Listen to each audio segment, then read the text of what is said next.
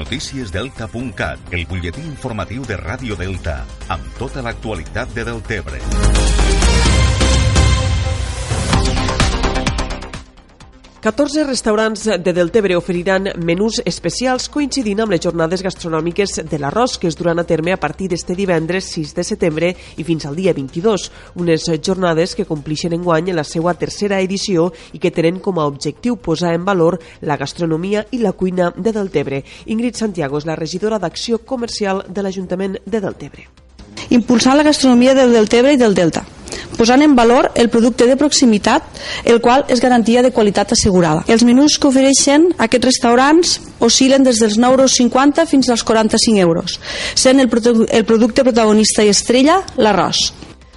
Les jornades gastronòmiques de l'arròs són el preludi de la Festa de la Sega, que enguany tindrà lloc el cap de setmana del 13 al 15 de setembre a la finca de Bombita. El divendres dia 13 es realitzarà la Sega escolar, amb la qual l'alumnat de sisè de primària del municipi aprendrà a segar de manera tradicional. Escoltem Carlos Serra, tinent d'alcalde de Deltebre Projecció és a, la base principal és aprendre a segar de manera tradicional però que també puguen gaudir les diferents activitats que els presentem en aquesta, en aquesta mateixa finca com pot ser pues, a part de també conèixer la tradicional de manera de com, de com se sega pues, també de poder perxar de fer una volta per la finca amb diferents cavalls i poder gaudir del paisatge que tenim en aquest entorn natural del Delta de l'Ebre. Dissabte tindrà lloc la vuitena trobada de grups de Jota, també a Bombita, i el diumenge dia 15 es farà la festa de la Sega, pròpiament dita, i que comptarà amb activitats durant tota la jornada, des de representacions teatrals, cantada i ballada de jotes, exposicions de motos clàssiques, demostracions de pesca, torneig de lluita bac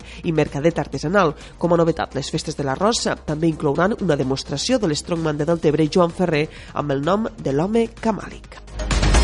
Este estiu ha començat a funcionar a Deltebre un wake park que permet la pràctica de l'esquí aquàtic sobre taula en un espai tancat de més de 5.000 metres quadrats i amb un cable esquí de 232 metres de llargada. El Titom Wake Park està ubicat a Riumar i permet la pràctica d'este esport entre arrossars i des dels 4 anys d'edat. És una crònica de Marina Villegas. L'esquí aquàtic sobre taula, o també conegut amb el nom de wakeboard, és un esport que va néixer cap als anys 80 i tot i que no se sap l'origen exacte, tot apunta que va començar arran la manca d'onades. Tot va començar en barco, perquè bueno, surferos no podien pillar les oles i estaven allí parats i van veure una ola d'un barco i aquí va començar tot.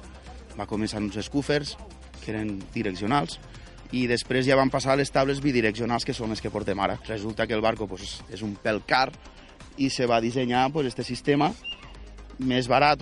I ara Deltebre compta amb un espai per practicar-lo. Un somni no? que ja feia temps que, que m'anava pel cap i pues, vaig veure l'oportunitat i pues, vaig decidir llançar-me llançar-me de cap no? i intentar-ho. Des de 3 anys, 4, fins a... inclús he tingut senyors de 74 anys aquí dins i, i pues, bueno, les classes van en, en, dependència de, de, de cada persona. No?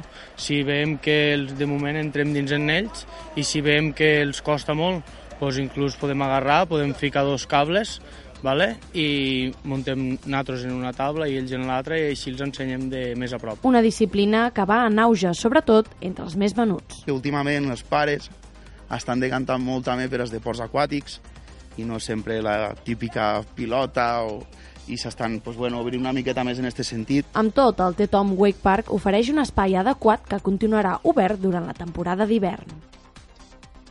Més qüestions, l'Strongman de Deltebre, Joan Ferrer, s'ha situat com a nou líder de la Lliga Nacional de Força després de guanyar la segona prova del campionat a l'Ossar de la Vega a Cáceres el passat mes d'agost i superant l'actual campió d'Espanya, Roberto Rodríguez. La pròxima prova del campionat serà el 14 de setembre a Tarancón. I encara afegim que l'Espai Ebreterra de Deltebre acull avui la primera sessió de les jornades de cicloturisme que organitza el Consell Comarcal del Bagebre a través del projecte Bagebre Avant, amb l'objectiu d'ajudar en el desenvolupament del cicloturisme a la comarca. En la jornada d'avui s'abordaran elements clau per a la creació i la comercialització del producte cicloturístic. Les altres dues sessions d'aquestes jornades tindran lloc el 18 de setembre i el 2 d'octubre. Això és tot per ara. Més notícies de Deltebre, com sempre, al portal deltacat.cat.